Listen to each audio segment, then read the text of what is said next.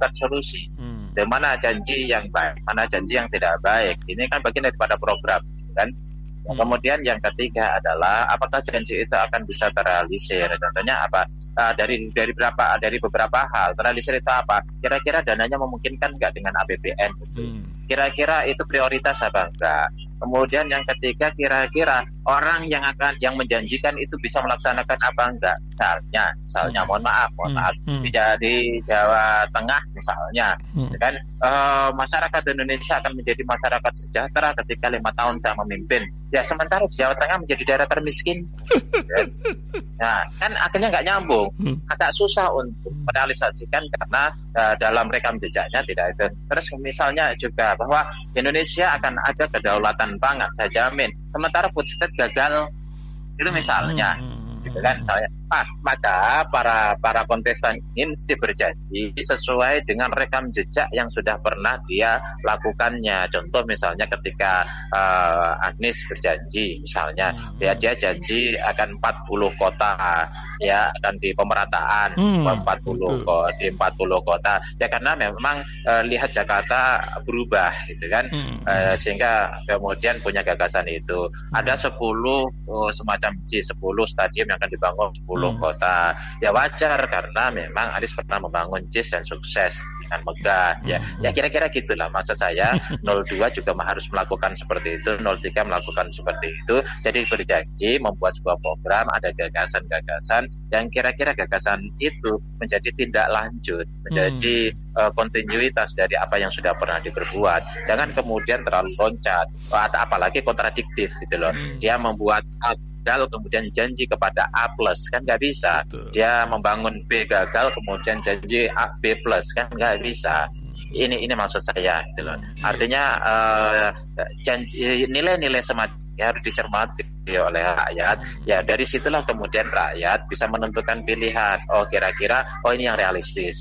Oh ini yang bisa dilaksanakan. Oh ini sesuatu satu solusi. Oh ini gagasan yang baru. Oh ini orisinal dan sebagainya. Hmm. itu yang mestinya menjadi standar bagi rakyat rakyat untuk menilai mana yang dipilih. Jangan dipilih karena senyumnya, jangan dipilih karena uh, renyahnya, jangan pilih karena gebrak-gebrak mejanya, apalagi kemudian dipilih jadi karena kasar kata-katanya kan nggak pas. Ya luar biasa ya. Mungkin uh, karena terlalu semangat dengan janji kasih makan itu Maka sembako pun bertebaran di tengah import beras yang luar biasa jutaan ton. Nah nggak tahulah komisinya. Apa yang Mas Tony lihat ketika beras diganti dengan uang yang cukup ringan Atau juga diganti dengan susu bahkan? Nah, Bagaimana Mas Tony ini kisah uh, masyarakat Apakah masih bisa masyarakat terbeli dengan yang beginian Atau bagaimana Mas Tony? Iya, pertama uh, bicara tentang caleg lah, misalnya hmm. Hmm. ketika mereka jadi anggota DPR itu kan ada masa reses, di situ ada dana aspirasi miliaran. Hmm. Oh, kan dana aspirasi itu bisa dipakai untuk ya, uh, merawat konstituen hmm. dengan memberikan program-program yang cerdas sehingga masyarakat yang memilihnya itu hmm. adalah masyarakat yang teropeni, terurus. Hmm. Hmm dan hmm. daerahnya juga uh, dimajukan sehingga tidak perlu kemudian melakukan money politik atau bagi-bagi dengan berbagai ragam dan caranya dengan berbagai bentuk dan polanya untuk bagi-bagi dan macam apalagi kemudian di di ini Mm-hmm. sedih barusan saya saya komunikasi mm-hmm. ada yang laporan dari Banten sana oh. ada sejumlah agamawan sebelah kiai sebelah ulama katanya mendapatkan ini informasi perlu ditelusuri mendapatkan informasi uh, bahwa mereka banyak mendapatkan sembako, mendapatkan uang untuk dibagi-bagi, lalu oh, beralih dukungan dan bahkan menyerang kepada orang yang sebelumnya telah dia dukung karena uang itu. Ini kan sedih kalau ada yang seperti ini. Kalau agamawannya seperti ini, gitu, bagaimana hmm. umatnya? Nah, itu. Bagaimana umatnya?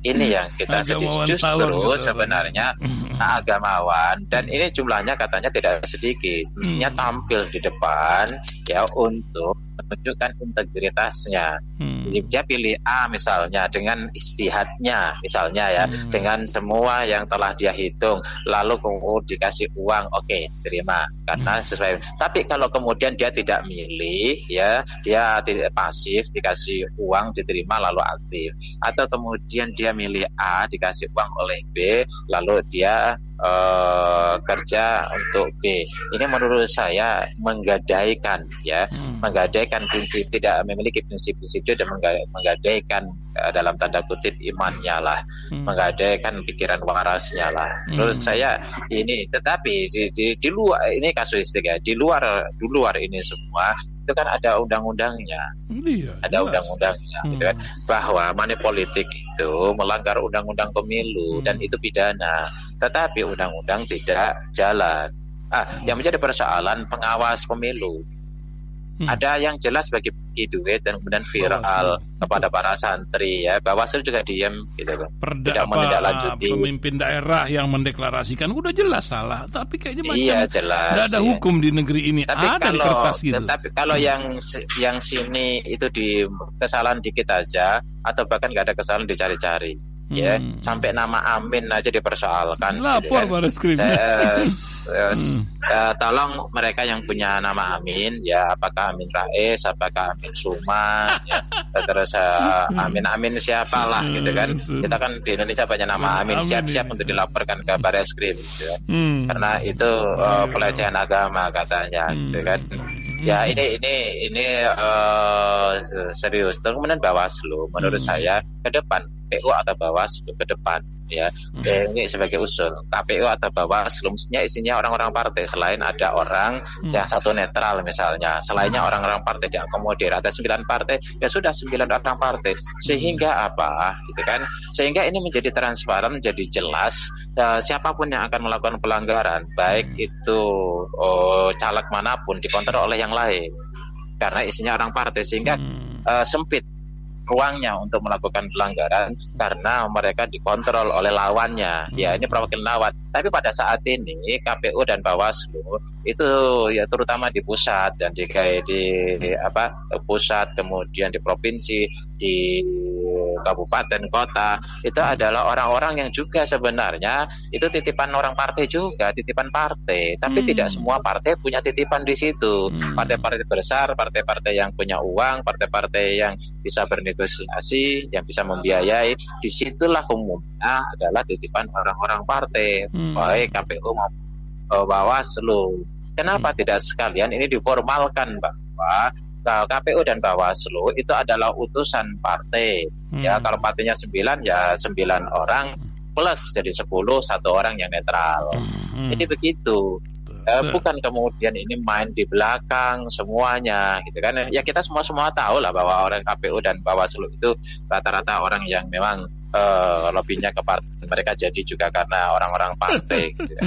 Iya. gitu. Ya, luar biasa. Mas Tony di akhir 30 menit terakhir ini beberapa menit lagi. Pesan Mas Tony entah apa ya dalam keadaan macam begini. Di tengah-tengah korupsi menjadi masalah dan hari ini nampaknya Firly Bahuri akan mengambil hikmah dari perjalanan hidupnya. Apa yang Mas Tony ingin ingatkan di hiruk pikuknya negeri ini? tulisan apa yang akan dibuat lagi oleh Mas Tony ini? Dan pikiran di dalam otaknya eh, nomor satu yang Mas Tony eh, tahu nomor dua dan nomor tiga. Bagaimana? Silakan Mas Tony. Eh, iya Eh, saya pikir siapa pun yang jadi tersangka memang lebih bagus mundur ya. Hmm. tapi tidak kemudian menghentikan proses Nah, etik di eh, apa di dewan Dewan Pengawas. eh, de- dewan Dewas. eh, dewan pengawas ya dewas. Tidak kemudian mengabaikan proses ya tidak Hmm. menghentikan proses pidana di di Polda Metro. Udah menurut saya siapa pun yang eh, menjabat apa pun kemudian jadi tersangka mundur Hmm. mundur Mundur tetapi lah. proses ya Hmm. proses yang ada di lembaga itu maupun proses yang berkaitan dengan lembaga hukum yang lainnya Hmm. itu ti- terus harus berjalan sehingga sanksi itu tetap harus ada Hmm. kalau memang itu terbukti sanksi itu ada eh, tidak terpengaruh oleh mundurnya seseorang di lembaga mana pun menurut saya tidak hanya Verly. Silakan kalau kemudian mau mundur ya bagus itu menurut saya uh, gentle sebagai sebuah pertanggungjawaban mundur, tapi proses di Dewas dan proses di Polda tidak uh, tidak berhenti, hmm. berhenti ya. Hmm. Terus kemudian terakhir berkaitan dengan siapa pun untuk di uh, caleg apa kapo uh, apa namanya uh, pilkada ataupun pilpres kita berharap ya hmm. semuanya harus mempersiapkan diri lah jangan hmm. kemudian uh, punya niat mendadak lalu ada terus kemudian ditunjuk karena punya duit atau elektabilitas lalu pokoknya mencalonkan diri tidak berpikir dia tahu nggak persoalan dia tidak pernah sama sekali eh, mempersiapkan hmm. sebagai seorang leader tidak mendidik diri tidak menempa diri hmm. untuk menjadi orang yang siap dengan semua pengetahuan atas masalah yang uh, masyarakat yang akan dihadapi kemudian punya uh, apa punya gagasan-gagasan sebagai solusi solusi terhadap masalah yang dihadapi. Soal elektabilitas belakangan, soal dukungan belakangan, kita kan enggak. Hmm. Umumnya adalah dukungan dulu, gitu kan, baru mikir. Hmm. Sementara persoalan itu tidak bisa dipikir satu malam. Indonesia hmm. bukan Bandung Bondowoso, ya. Indonesia ini punya masalah yang panjang, yang kemudian perlu proses yang panjang untuk memahaminya melalui data melalui teori, melalui kajian-kajian hmm. sehingga kelihatan bahwa ini loh masalahnya. Setelah hmm. ada masalah, kemudian ini loh solusinya. Hmm. Solusinya kemudian solusi-solusi ini nanti prosesnya perlu uh, ada apa namanya uh, ada perbandingan-perbandingan dengan daerah-daerah yang lain. Apakah daerah yang lain sudah melakukan solusi dan itu butuh waktu yang panjang.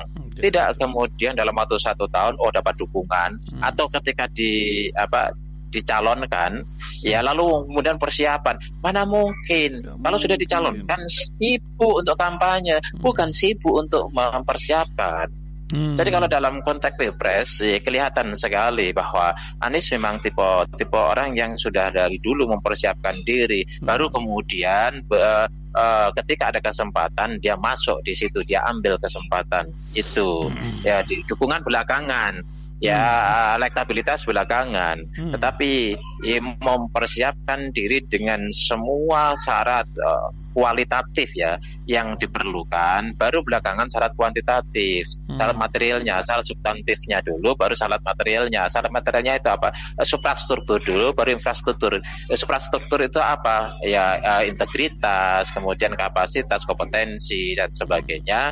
Terus kemudian uh, infrastruktur itu apa? Ya dukungan partai ya survei elektability dan sebagainya. Itu infrastruktur. Dulu kan suprastruktur hmm. persyaratan substantif dan persyaratan kualitatif, baru persyaratan infrastruktur, persyaratan kuantitatif, hmm. ya dan persyaratan material. Hmm. Bukan kemudian logistik dulu, elektabilitas dulu, kemudian dukungan partai dulu, rusaklah negara ini. ya, oleh karena itu siapa pun yang mau calon gubernur, calon calon hmm. wali kota, ya yeah. kalian adalah memataskan diri dulu. Kalau kalian merasa belum pantas, Uh, meskipun partai mendukung Anda, meskipun Anda punya logistik, meskipun Anda adalah orang yang berada di pucuk partai itu, hmm. jangan Anda maju. Jangan menjadi dolu dolu sesat dan menyesatkan. Kasihan rakyat. Hmm. Rakyat sudah uh, babak belur ini. Hmm. Jadi anda udah udah lelah ayat ini hmm. ya uh, kalau yang calon itu adalah orang-orang yang sudah lama mempersiapkan diri secara infrastrukturnya hmm. integritasnya oke okay, kemudian kapasitasnya oke okay, komunikasi politiknya oke okay, semua persyaratan itu sudah ada saya pikir siapa pun yang jadi rakyat bisa tidurnya bila perlu gitu kan ketika pemilu pada tidur aja nggak usah milih itu juga pada akhirnya akan terpilih yang baik hmm, gitu kan apalagi kalau sampai kemudian sepeda kan pilih yang baik. Hmm. Itu Pak Isa. Terima kasih Mas Tony Rosid. Mudah-mudahan Allah memberikan keberkahan dan kita amin, diberikan amin, pemimpin yang terbaik di negeri kita ini. Assalamualaikum warahmatullahi wabarakatuh Mas Tony. Waalaikumsalam warahmatullahi wabarakatuh. Para pendengar demikian tadi bincang kita bersama Tony Rosid, pemerhati bangsa kita yang terus produktif dalam menulis. Tah apa tulisan kita yang akan disampaikan dia pagi hari ini.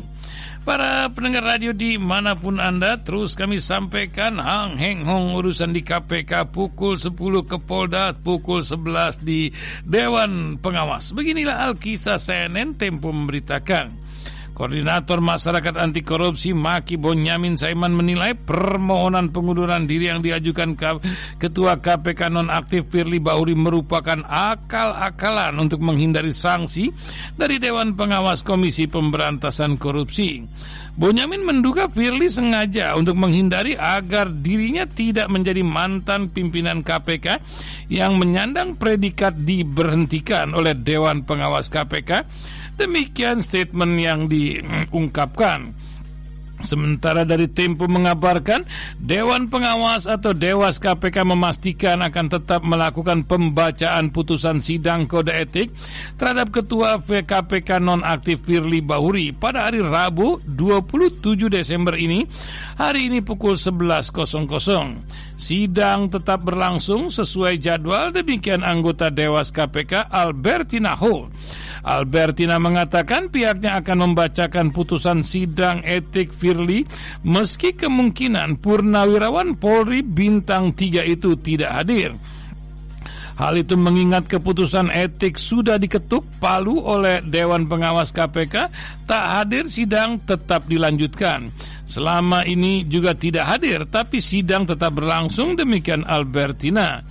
Prial kemungkinan akan memutuskan untuk memecat Firly Bahuri dari jabatan Ketua KPK secara tidak hormat. Albertina tidak menjawab dengan lugas dan menyampaikan sidang dilakukan secara terbuka. Sebelumnya Ketua Dewas KPK Tumpak Hatoroang Panggabean mengatakan keputusan etik terhadap Firly Bauri sudah diketuk palu hingga sekalipun keputusan Presiden atau Kepres soal pemberhentian Firly Bauri telah keluar tidak akan mempengaruhi putusan tersebut. Ya salam. Ya begitulah masih di dunia cing, masih bisa tobatan nasuha. Wallahu a'lam bisawab. Kita lanjut lagi modus baru politik uang. Peserta pemilu ganti isi sembako dengan makanan bayi. Ya salam. Begini kisah dari ermol.co. Badan Pengawas Pemilu Kota Bandung mengingatkan para peserta pemilu untuk tidak membagikan sembako saat kampanye sebab bagi-bagi sembako termasuk kategori politik uang dan bisa dipidana.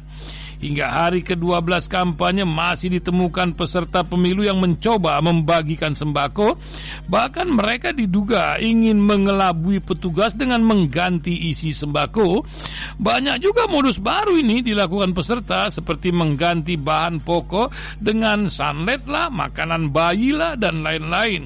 Demikian ungkap anggota Bawaslu Bandung M. Adriansa dalam konteks pengawas lanjut beliau, Bawaslu Kota Bandung lebih mengedepankan pencegahan terjadi pelanggaran termasuk di masa kampanye kali ini.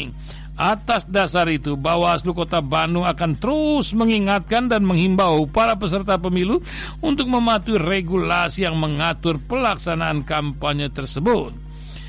Para pendengar radio di mana pun bagaimana tol yang uh, bergerak dari Gede Bage, Tasik Malaya, Cilacap kok nggak jadi-jadi ya? Begini CNBC memberitakan. Salah satu kabar paling mengagetkan selama 2023 adalah mundurnya para investor di mega proyek tol Gede Bage, Tasikmalaya, Cilacap atau Getaci, Getaci yang memiliki panjang 206,65 km. Bukan hanya konsorsium BUMN yang mundur, tetapi juga para konglomerat yang awalnya tertarik untuk menggarap mega proyek ini.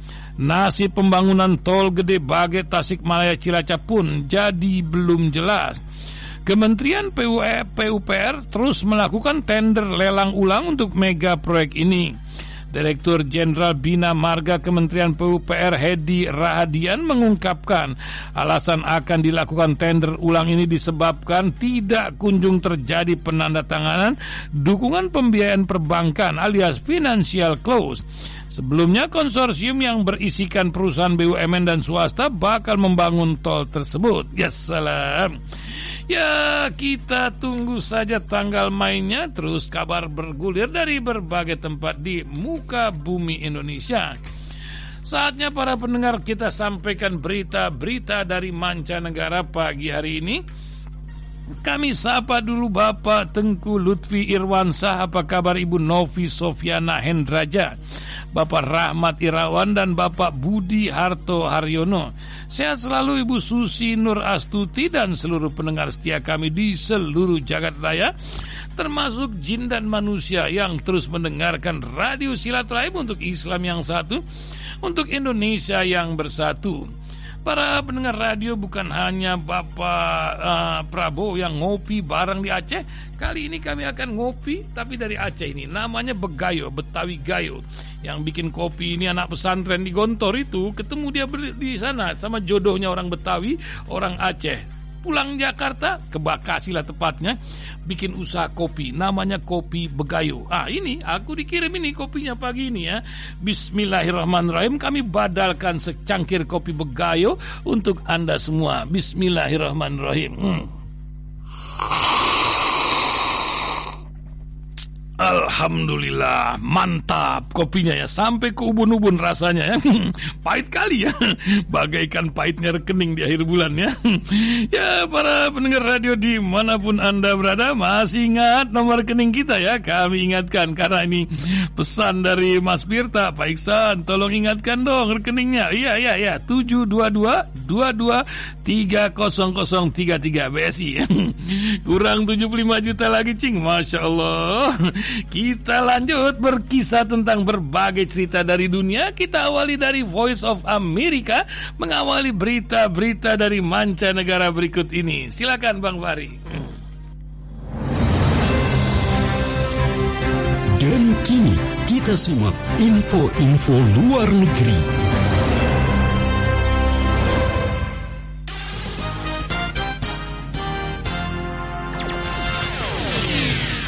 Inilah The News dari VOA di Washington DC, saya Fams Reva. Ratusan pelayat berkumpul di ibu kota Baghdad sambil membawa peti mati seorang pejuang yang mereka katakan tewas dalam serangan Amerika yang menarget beberapa lokasi milisi di Irak selasa pagi.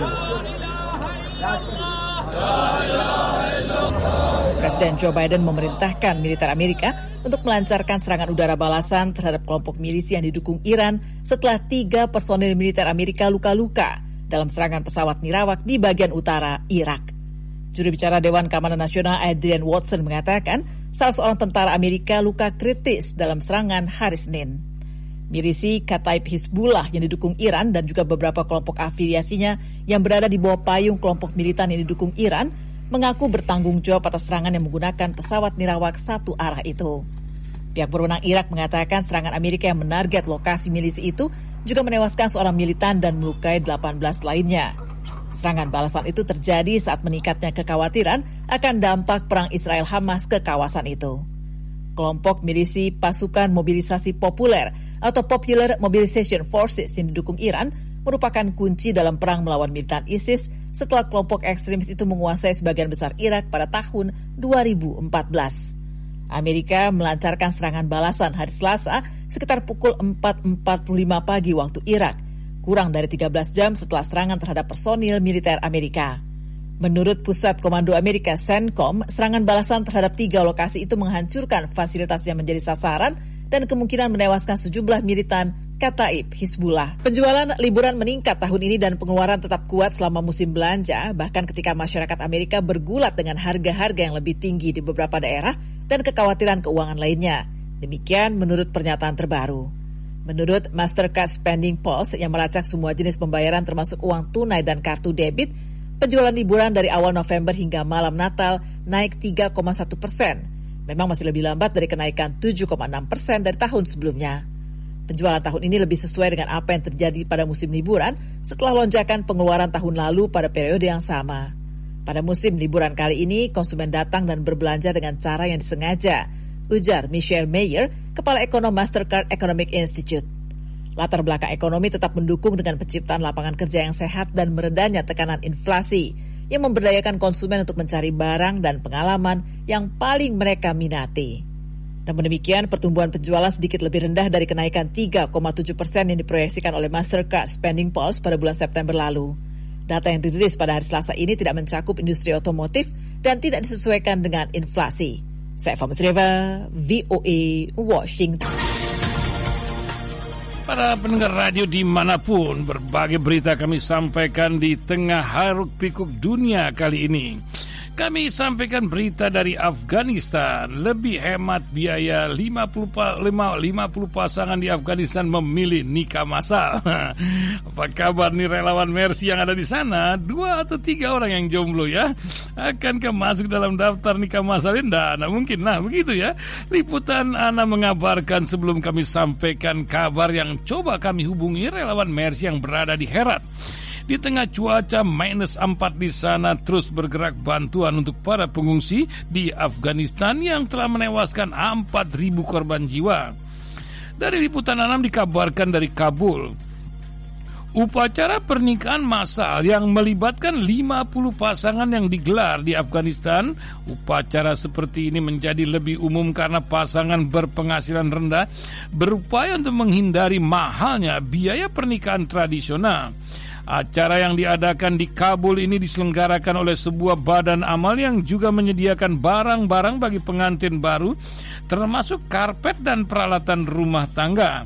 Untuk memulai kehidupan pernikahan mereka, seorang pejabat dari Kementerian Peningkatan Kebajikan dan Kes dan Pencegahan Kejahatan Afghanistan turut serta memberikan sambutan pada upacara pernikahan sederhana tersebut.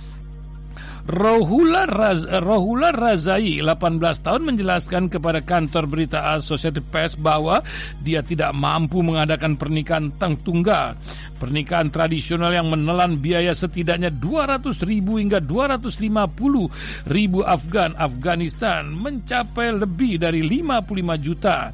Namun upacara ini hanya mengerogoh kocek antara 10 ribu hingga 15 ribu Afgan atau sekitar 2,2 hingga 3 juta rupiahan saja demikian dikabarkan baru-baru ini. Para pendengar kami coba berhubungan dengan relawan Mercy yang berada di Herat tuh nampaknya masih susah terhubungnya. Kami kabarkan rencana uh, melihat langsung Herat akibat gempa Oktober lalu menelan sekitar 400 korban jiwa dan menurut kabar dari kedutaan besar di Afghanistan Jakarta, Mr. Sani, bantuan belum ada yang masuk ke daerah tersebut. Ini diketahui karena keluar, keluarganya masih berada di Herat. Penyaluran obat-obatan sedang dilakukan dan alat medis sebab angka kebutuhan barang-barang tersebut masih sangat tinggi. Demikian kabar dari media yang beredar. Rencana pemberikan e- edukasi membersihkan luka dan kabarnya juga banyak luka-luka kecil yang tidak tertangani dengan tepat akibat gempa tersebut. Akibatnya meluas menjadi sebuah infeksi yang mematikan. Edukasi wanita-wanita yang umumnya terkena jamur, edukasi-edukasi lainnya terkait medis, informasi yang didapat dari staf kedutaan dan lokal yang berkunjung ke Herat baru-baru sana, baru saja demikian dikatakan Dr. Mea, mengabarkan dalam sebuah WA panjang kepada redaksi pagi ini serta mengunjungi dan bekerja sama dengan klinik di pengungsian dan mengunjungi rumah sakit di Herat apabila memungkinkan tim bisa melakukan kegiatan medis di rumah sakit tersebut. Selain itu, selama di Afghanistan dan Herat, tim akan melaporkan semua kegiatan baik dari sisi kegiatan medis maupun sisi unik dari Herat, Afghanistan. Tentunya dengan dengan perizinan, kami akan melihat kemungkinan akan pergi ke Pakistan melihat tempat pengungsian Afghanistan yang telah berlangsung hampir 25 tahun serta menjalin kerjasama dengan kelompok dan organisasi Islam terbesar di Afghanistan di mana organisasi tersebut tersebut juga mempunyai visi misi yang sama terkait dengan Palestina. Para pendengar radio dikabarkan suhu sudah mencapai 1 derajat Celcius di malam hari. Masya Allah bahkan minus 12. Rekaman susah banget dikirim ini Kak eh, Rasil. Kalau malam lebih-lebih nggak ada sinyal. Kami tinggal di rumah penduduk yang Masya Allah sangat melayani. Dan juga sepenuh hati seperti dianggap keluarga sendiri. Kabarnya pihak Deputi Kementerian Informasi ingin menerima kami juga di Herat. Demikian dikabarkan dalam perjalanan 20, 20 jam yang melelahkan dari Afghanistan menuju Herat. Sampai pagi ini kami telepon belum bisa terangkat ya maklum di Afghanistan Herat Cingbo dekat Iran lah begitu ya. Dari Kabul 20 jam lebih. Para pendengar radio, kita lanjutkan berita-berita lainnya menemani Anda di mana pun. Oh, berdering ini bisa masuk ya. Semoga saja bisa terhubung ya.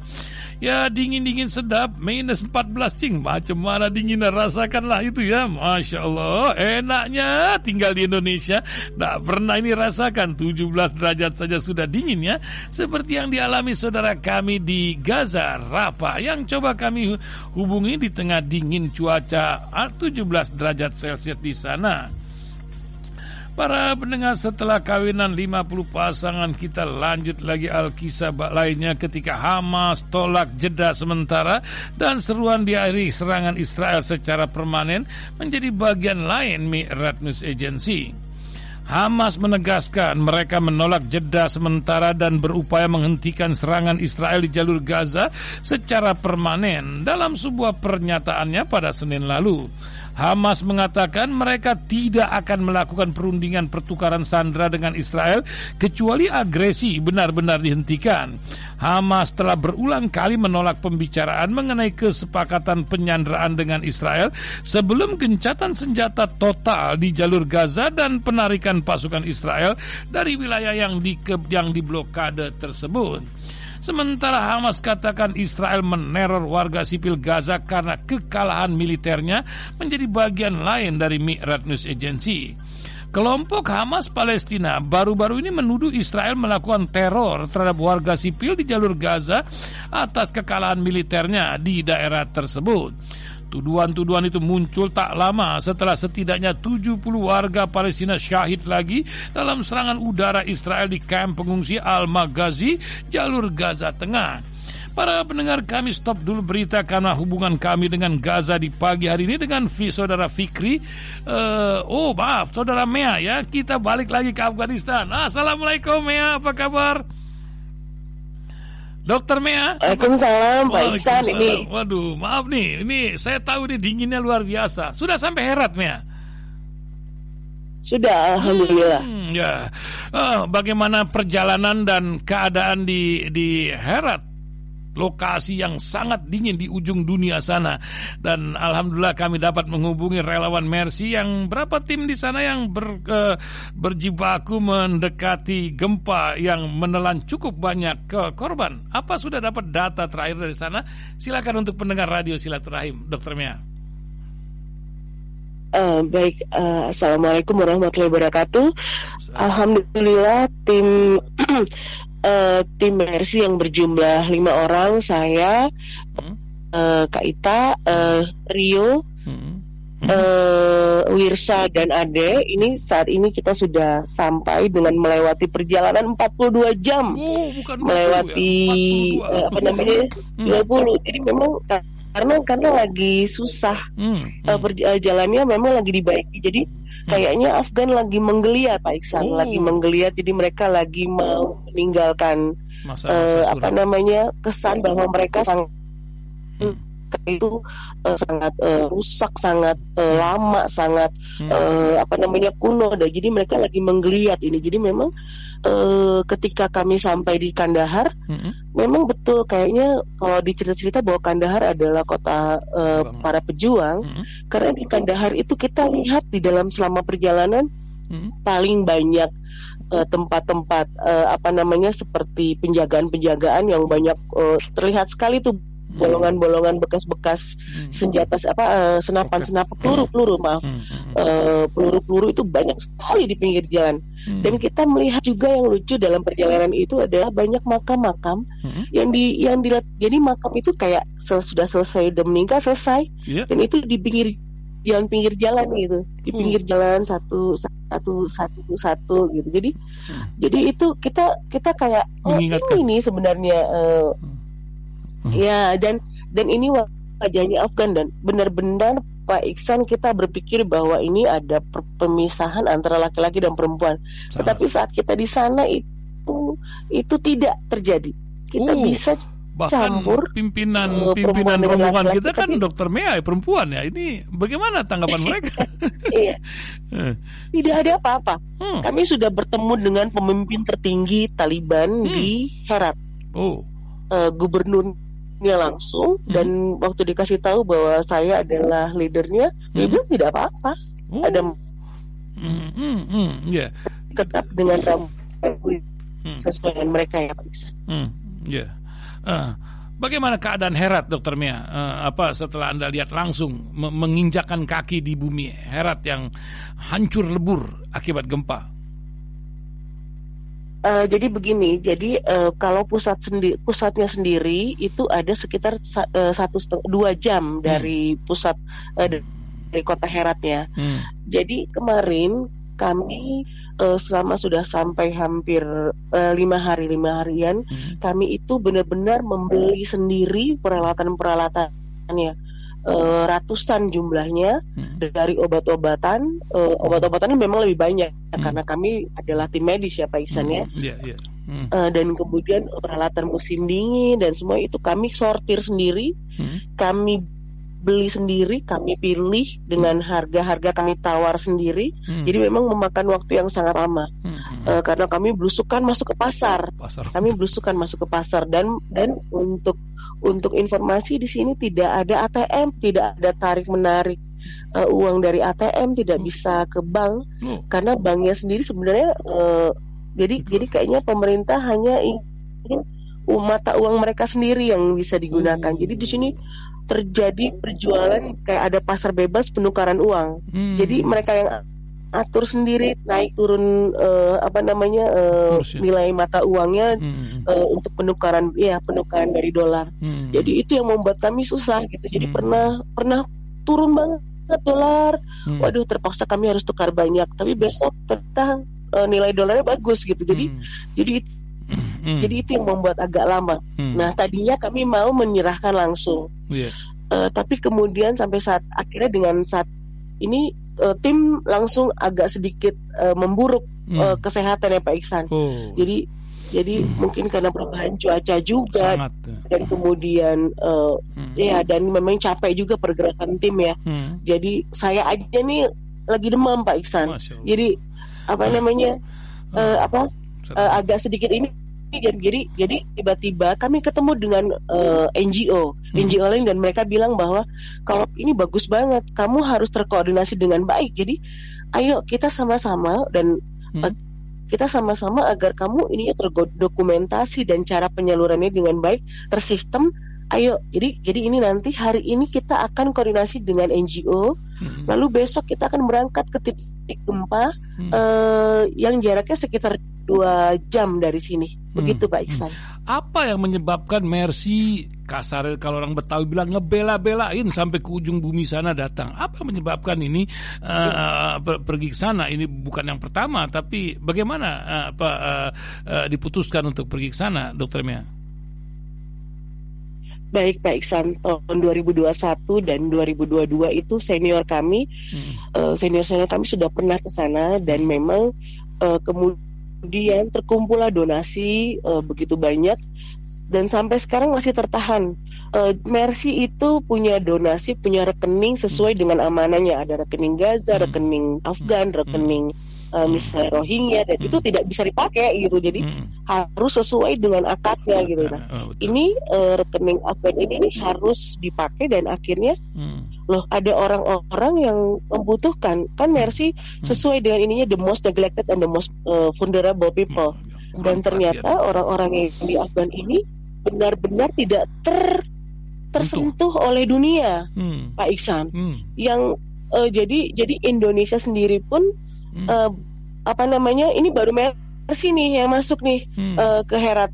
Hmm, hmm, jadi mas. jadi dengan berita dari kami, hmm. mudah-mudahan dengan berita dari Mercy ini akhirnya dari uh, NGO-NGO lain dari pemerintah bisa uh, bisa melihat nih hmm. ini di negara ini ternyata butuh banget bantuan. Jadi mereka akhirnya masuk dan omongan bahwa di luar bahwa Afghanistan itu sangat seram Tidak. itu mematahkan sekali. Hmm ya, tidak itu. lebih baik oh, bagus banget mereka Masya Allah. Uh, satu lagi saya mau kasih tahu Silakan. hospital itu mereka masya Allah Pak Iksan hmm. saya sampai mau nangis karena hmm. mereka mereka itu uh, merangkul kita tuh udah kayak persis dengan itu itu bagi saya kita kayaknya harus belajar bagaimana cara menerima tamu dengan baik adalah dari orang-orang Afghanistan ini. Kita harus banyak belajar. Dokter Mea kan pernah ke Afrika, pernah ke Rohingya, pernah ke apa Gaza. Apa yang kelebihan dari dari orang-orang di Afghanistan ini dibanding daerah-daerah lain yang pernah Dokter Mea uh, kelilingi dari bencana Mercy singgahi, Dok? Saya melihat uh, mereka ini sangat uh, terbatas ekonominya, Pak Iksan. Hmm, Tapi mereka hmm. tapi mereka maksimal sekali menerima uh, menerima tamunya.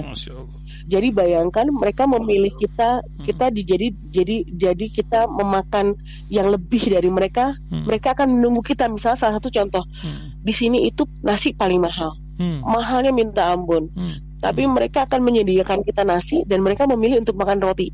Hmm roti itu paling murah ya Pak Iksan roti hmm. tipis. Jadi hmm. dan kemudian kayak dingin nih, hmm. kita akan dikasih selimut dua, mereka satu. Hmm. Jadi tamu di atas segalanya daripada mereka sendiri. Masya Allah, Masya Allah, Masya Allah.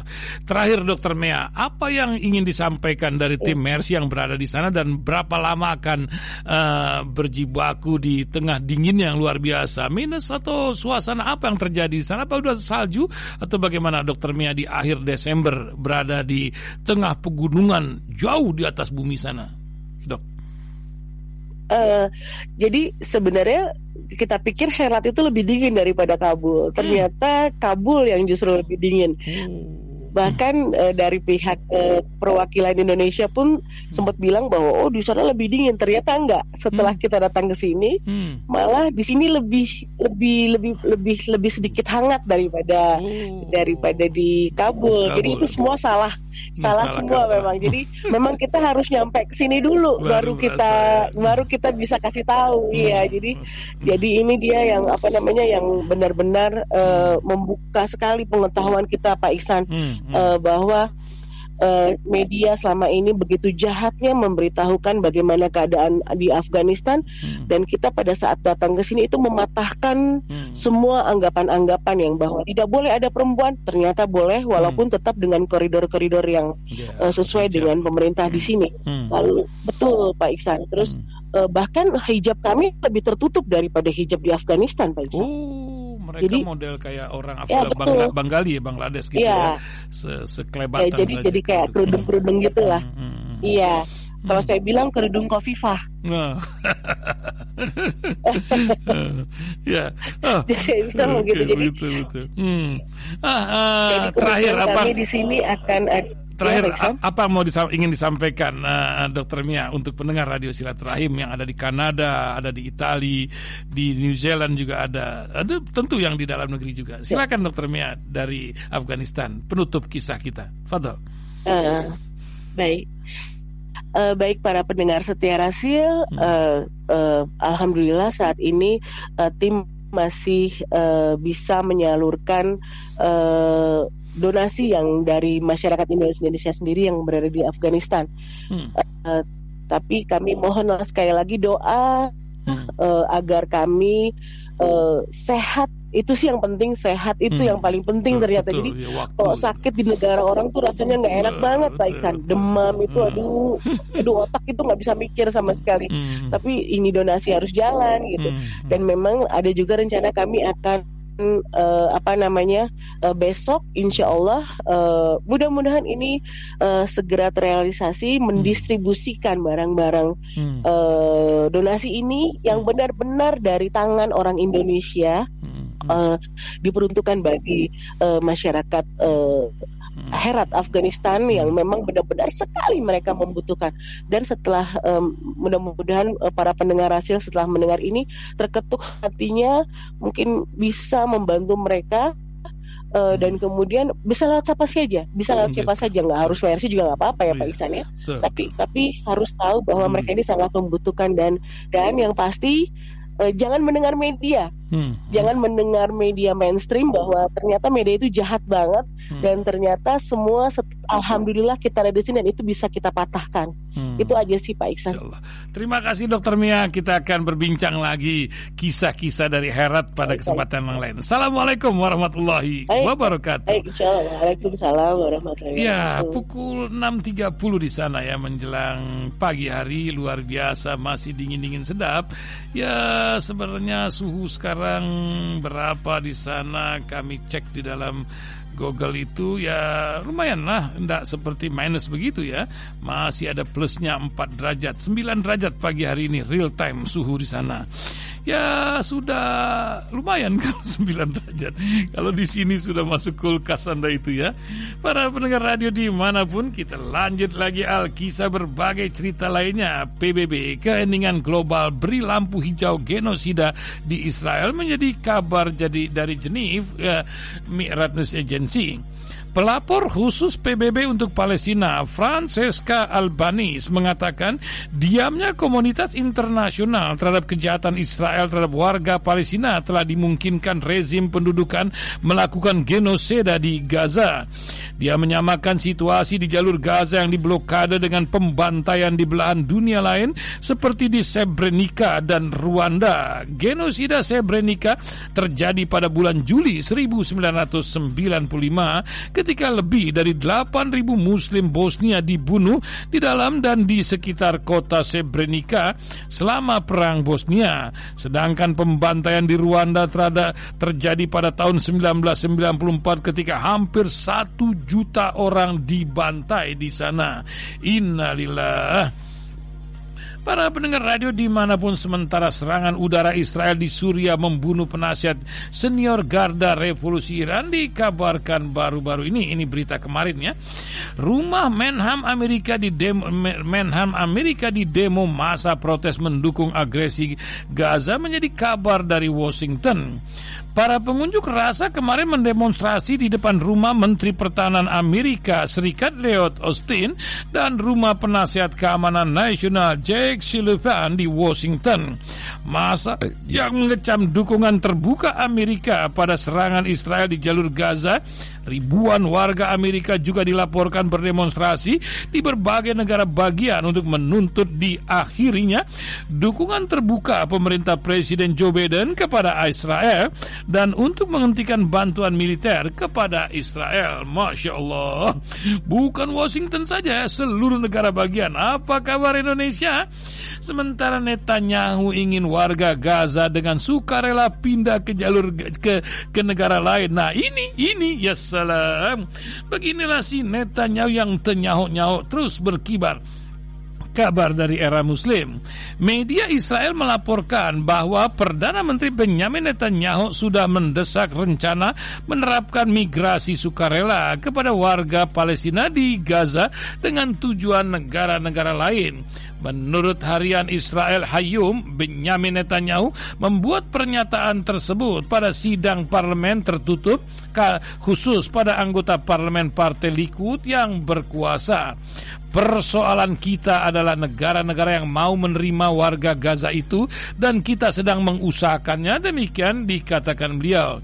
Dalam sidang itu Denny Danon dari Partai Likud mengungkapkan ada negara-negara yang sebenarnya mengangkat isu tersebut termasuk Menteri Imigrasi Kanada Mark Miller dan mantan Duta Besar Amerika Serikat untuk PBB Nikki Haley yang sedang mengikuti proses penjaringan calon presiden Amerika Serikat dari Partai Republik.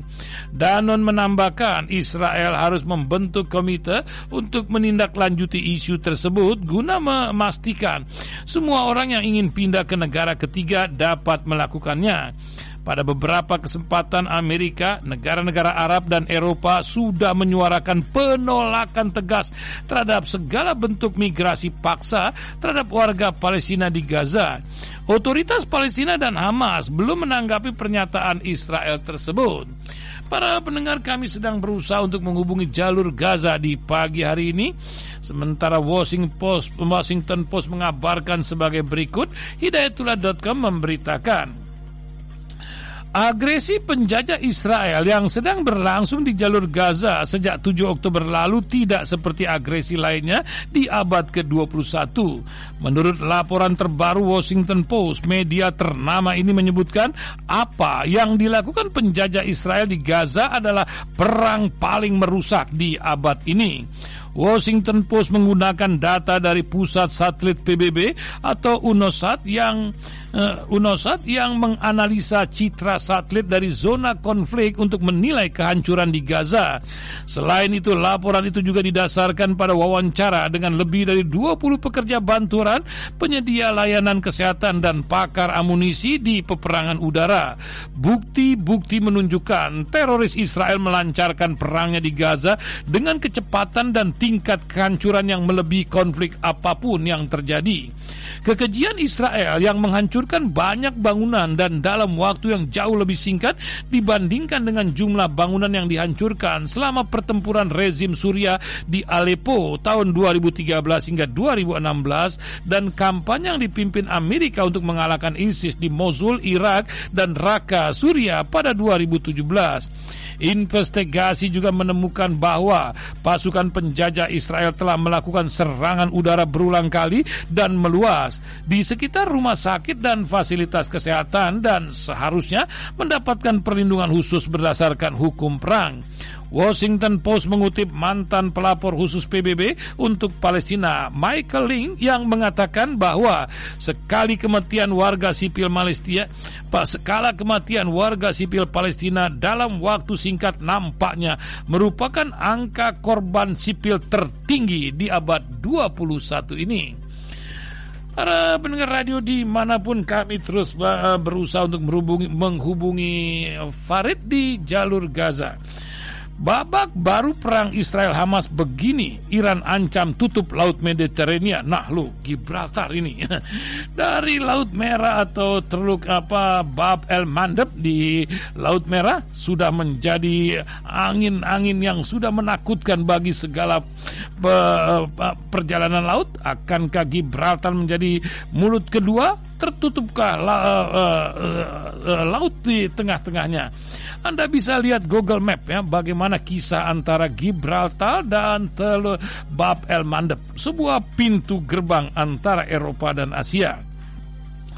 Seorang komandan Garda Revolusi Iran mengatakan Laut Mediterania bisa ditutup jika Amerika Serikat dan sekutunya terus melakukan kejahatan di Gaza.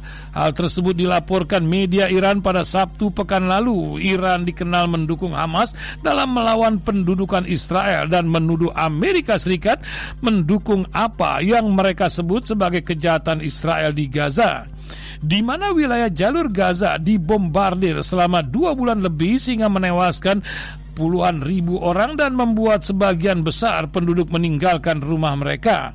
Mereka akan segera menunggu penutupan Laut Mediterania, Selat Gibraltar, dan saluran air lainnya.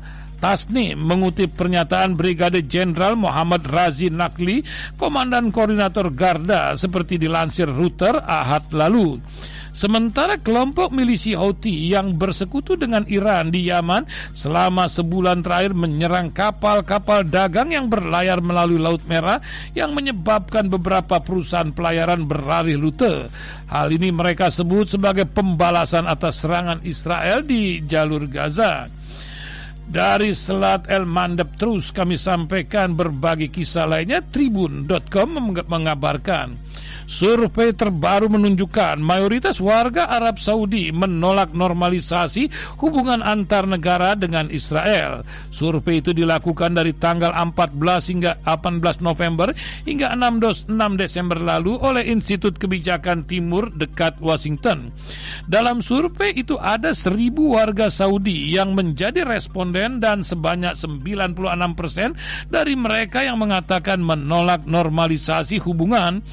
Kemudian turut didapati pula fakta bahwa dukungan Arab Arab Saudi terhadap kelompok Hamas di Gaza makin meningkat. Hanya ada 16% warga Arab yang meyakini Hamas harus menghentikan upayanya untuk melenyapkan Israel dan menerima solusi dua negara. Mayoritas warga Arab Saudi 95% merespon bahwa Hamas pada kenyataannya tidak membunuh warga sipil ketika ditanya apakah mereka yakin bahwa pembunuhan warga sipil oleh Hamas bertentangan dengan Islam. Demikian pernyataan hasil survei itu yang dikutip dari Palestine Chronicle. Di samping itu ada 87% responden yang meyakini peristiwa-peristiwa yang terjadi belakangan ini telah memperlihatkan bahwa Israel sangat lemah dan mengalami perpecahan internal. Menurut mereka, Israel kelak akan bisa dikalahkan. Demikian keyakinan dari warga Arab Saudi. Bagaimana dengan pimpinannya? Wallahu a'lam bisawab. Kita lanjut lagi terus bergulir ketika Mesir minta Hamas lepaskan kekuasaan di Gaza. Satu lagi konco yang satu ini. Kairo memberitakan Dua sumber ber, uh, keamanan Mesir menyatakan Hamas dan Islam Jihad Islam menolak proposal Mesir untuk melepaskan kekuasaan mereka di jalur Gaza dengan imbalan gencatan senjata permanen. Kedua kelompok itu menggelar pembicaraan terpisah dengan Mesir di Kairo. Mereka menolak tawaran di luar kemungkinan membebaskan sandra Israel yang ditawan dalam serangan mendadak 7 Oktober lalu. Mesir mengusulkan visi yang juga didukung mediator lainnya yakni Qatar untuk kesepakatan gencatan senjata dengan imbalan pembebasan sandra yang dilaporkan Reuters. Usulan itu juga mencantumkan gencatan senjata permanen dan terkait dengan tentang perombakan kekuasaan di Gaza yang saat ini dikuasai Hamas. Mesir mengusulkan pemilihan umum sambil memastikan anggota Hamas tidak akan dipersekusi atau dikejar. Namun sumber itu mengatakan Hamas menolak tawaran apa pun di luar pembebasan sandra. Diakini masih terdapat 100 sandra yang ditawan di Gaza. Pejabat Hamas yang berkunjung ke Kairo baru-baru ini menolak memberikan komentar mengenai tawaran spesifik dalam kesepakatan kemanusiaan sementara. Sementara itu Hamas pun mempertahankan sikapnya sejak awal. Demikian Kairo memberitakan. Para pendengar radio di mana pun, sementara Hidayatullah mengabarkan Israel telah membunuh lagi 101 jurnalis dalam agresi selama 82, 81 hari hingga kemarin. Wow, nampaknya satu hari satu lebih jurnalis yang wafat sahid di jalur Gaza. Para pendengar radio di mana pun Anda berada, kami terus sampaikan Alkisah berbagai cerita. Kantor berita pemerintah GMO di Gaza mengumumkan bahwa serangan penjajah Israel telah menewaskan jurnalis Ahmad Jamal Al-Mukhdam sehingga menambah lagi jumlah korban tewas di kalangan jurnalis menjadi 101 dalam 80 hari pembantaian tanpa henti. Lembaga kantor media pemerintah mengungkapkan duka mendalamnya atas pembunuhan Al Makdom yang yang yang menjabat sebagai wakil direktur Al Rai Agency. Kantor tersebut pada hari Sabtu lalu menyatakan bahwa militer Zionis menghancurkan beberapa gedung berita.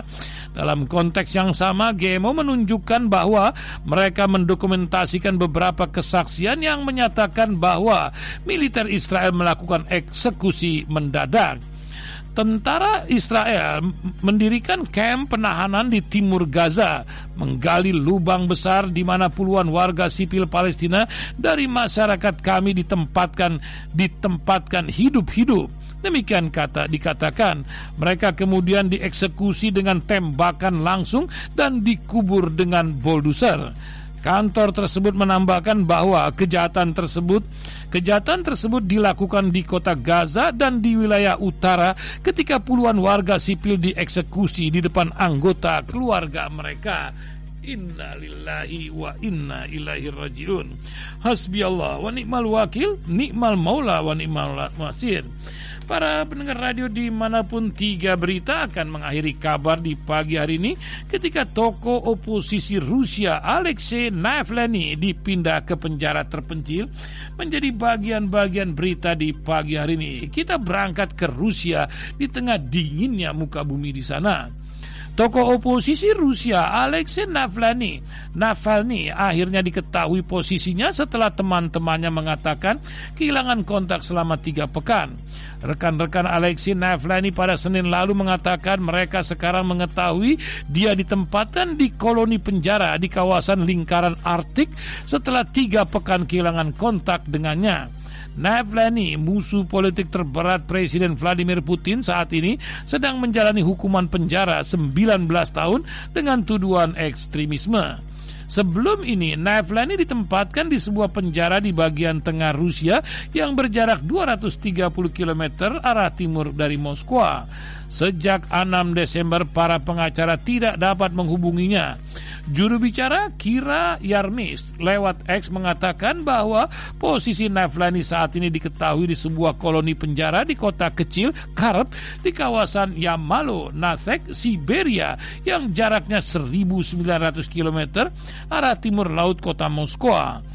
Kawasan ini dikenal dengan suhu udara yang sangat-sangat dingin dengan musim dingin mencekam dan panjang kota kecil yang terletak dekat Vorkuta, sebuah pertambangan batu bara yang dijadikan kamp kerja paksa bagi para narapidana sistem gulag di era Uni Soviet. Masya Allah.